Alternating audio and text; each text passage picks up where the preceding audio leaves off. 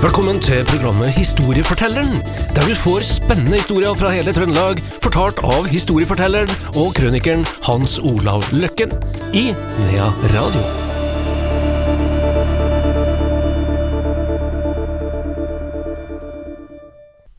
Historiefortelleren er tilbake her i Nea Radio, og i dag skal Hans Olav Løkken og Andreas Reitan eh, Stort sett er det jo en Hans Olav da, som skal fortelle historien her.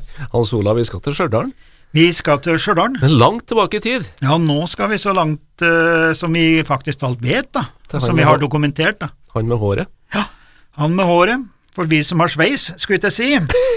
Han, eh, han eh, Harald Hårfagre, og det husker jeg jo når vi eh, på skolen skulle liksom eh, ble fortalt om vikingtida, om en Harald Hårfagre som da ikke klipte seg før det hadde samla hele Norge. Det er jo det som vi lærte, og det er det du husker. Ja. Der, da.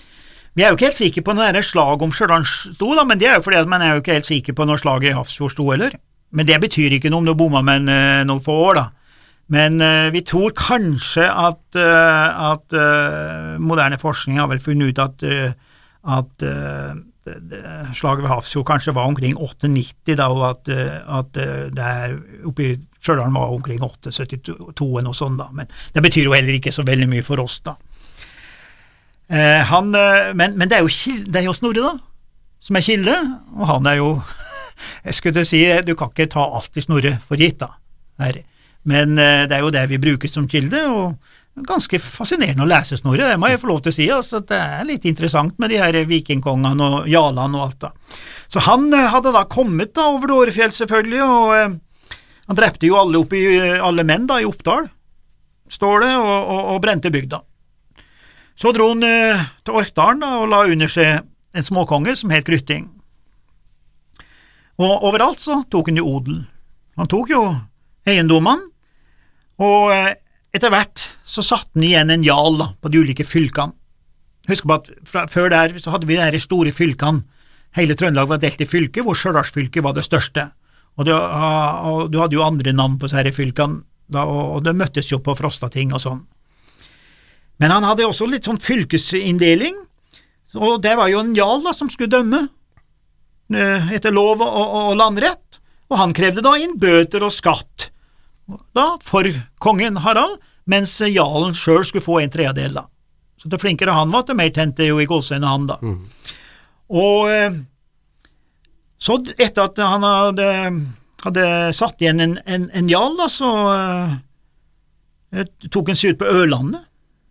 Så kom han inn i Gauldalen, kjempa og felte et par eh, småkonger og, og la under seg det. Eh, Så til slutt så hadde han jo hele Gauldalfylket og Strinda-fylket, og så går han inn da i Stjørdal. Og der hadde han eh, kanskje både én og to kamper, da. Men det første slaget om Stjørdal, det gikk ikke så bra for stjørdalingene. Han, eh, han var litt smart, han her eh, Harald Hårfagre, for han plukka jo ut de her kongene én og én i gåseøyne. Og når vi snakker nå om konger, da, så må vi ikke helt misforstå, da, for de var jo ikke konger, men de var jo storbønder. Skal vi si noe, eh, noe, noe, noe ledertyper. Høvdinger, kan vi kanskje si. Men i bøken står det ofte konger, småkonger. Men det var nok en storbonde eller noe sånt, da. Han plukka ut én en, holdt slag med, og det var lett å ta. De hadde ikke samla seg på noen som helst måte. Han eh, var da i Trondheim om eh, vintrene, og var der i flere vintre. Han bygde jo opp da Lade gård, som den annen høvding i Trondheim som vi har i dag, da. Og eh, han gifta seg med, med Åsa, som da var datter til Håkon Jarl, da. En av jarlene, og som det ble litt etterspill av, da. Men det her er litt rart for meg som er døl, gudbrandsdøl, for jeg har jo blitt lært opp til at Harald Hårfagre var på Tofte kongsgård på Dovre i fire vintre. Og han var der, han var der, men han, det er noe som ikke helt stemmer her, da, for det heter seg da at han og Tofte kongsgård den ligger oppe i fjell, oppe i sida i dalføren, så når du kommer ned på sjølve Dovre, du har passert Dombås og kommer ned på Dovre, så må du titte litt opp i sidene der, der er oppe for noe som heter Toftemo camping og, og, og, og, skysstasjon. Du kan overnatte og sånn. Det er fint der. Det er en fin plass. Der kan du, og Går du litt ut, kjører kjøre en kilometer til, hvor du kommer litt ut av skogen, så ser du opp på Tofte kongsgård, du kan kjøre opp dit, og som er da eid av staten i dag, men det er jo en, som driver det da, her. Og en veldig fin plass, og der var han Harald Hårfagre, og så lurer han seg vekk eh, fra sin egen eh, garde, da, her, og så ned til ei samejente som het Snefrid, da. Og der ble det fire sønner, og jeg er en av dem, da, bruker vi å si, da, vi som er født der. Eh, Nå så jeg her om dagen at eh, jeg leste en større artikkel om at eh, samene har eh, funnet ut at hos Snefrid var samejente, da, og at en Harald Hårfagre og samejente er også liksom grunnlaget til noe av opprinnelsen for samene i Norge. Det er jo også litt sånn interessant, da. En ny vinkling. Helt ny vinkling. Og det er jo sånn med de fleste store kjendiser og sånn, det, det, det, alle oss er jo i slekt med dem òg. Jo da, så han eh, kom jo da til Stjørdal, og der gikk jo Stjørdalselva i veldig mange sånne eh, svinger, sånn at eh, stjørdalingene de var på en måte ute på en sånn, eh, skal vi si, halvøy, det var bare en hundre meter hvor du kunne komme det videre på, og der blokkerte de og trodde de skulle stenge uten Harald Hårfagre da, for det var elva, store floden som det var den gangen, var rundt overalt. Men de forregna seg, så Harald Hårfagre klarte å bryte gjennom den der sperra da, og der også, så bandt han jo på mange måter slaget der, og inne på den der plassen, der heter det nå i dag Kongshaugan. Men det har ingenting med kong og med det som skjedde med Harald Hårfagre. Det er lenge før Harald Hårfagre at det var noen konger, eller det var noen graver der oppe, sier ekspertene da, som har åpna visse ting. Og, men der slaget sto, borte ved E14, der heter det i dag for Haraldreina skole, og hele området heter Haraldreina og Hognesauen og sånn, og kommer da etter Harald Hårfagre. Og dermed, og der fant man en stor stein, som det har vært veldig mye kamp om å beholde den steinen. Nå ligger den i muren på Mæle gård, som ligger ved siden av, men det mener jo noen er en sånn eh, en, en, en stein til minne om Harald Hårfagre fra, fra, fra, fra gammelt av, da, her. Men så er jo det at, at så, så her tafte altså stjørdalingene, i motsetning til noen år senere, for eh, 150 år senere så, så hadde de jo samla seg, bøndene. Da hadde jo man lært i Trøndelag at nå må du samle det. Altså Husk på Harald Hårfagre plukka ut 1-1 og holdt slag og vant. Men det gjorde man ikke på Stiklestad.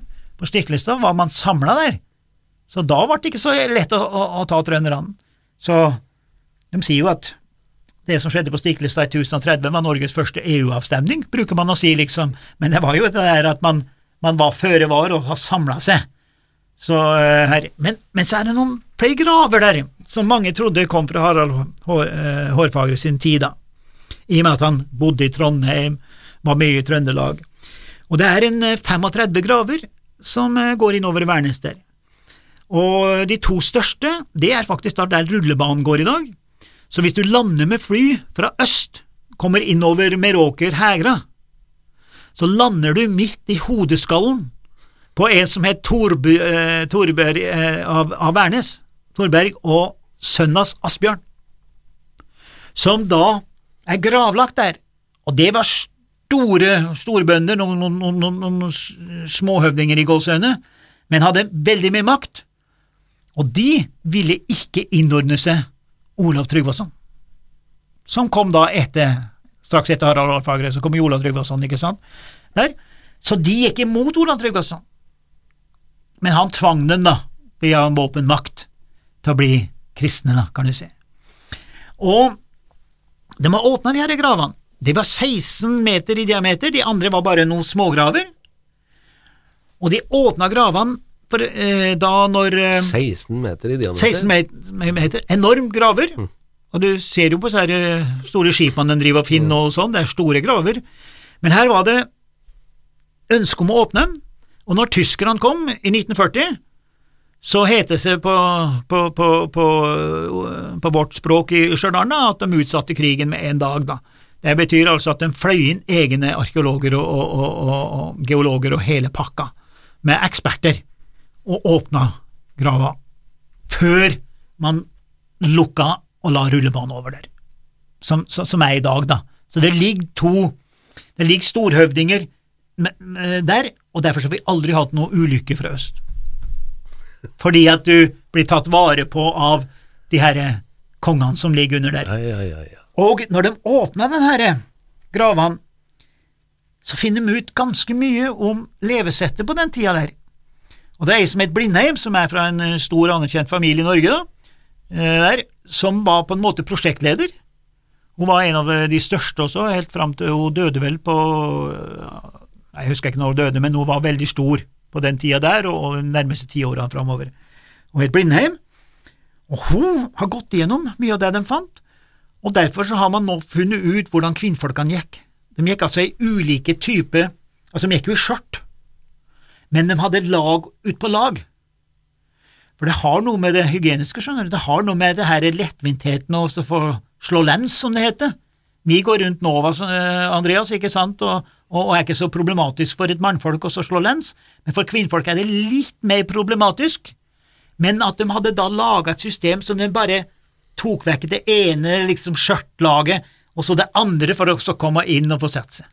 Smart. Jeg er smart, vet du, de visste hva de gjorde.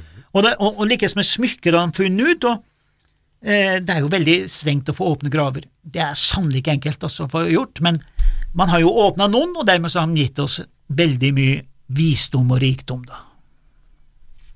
Det var historia om eh, ja, det var slaget på Stjørdal og Harald Hårfagre.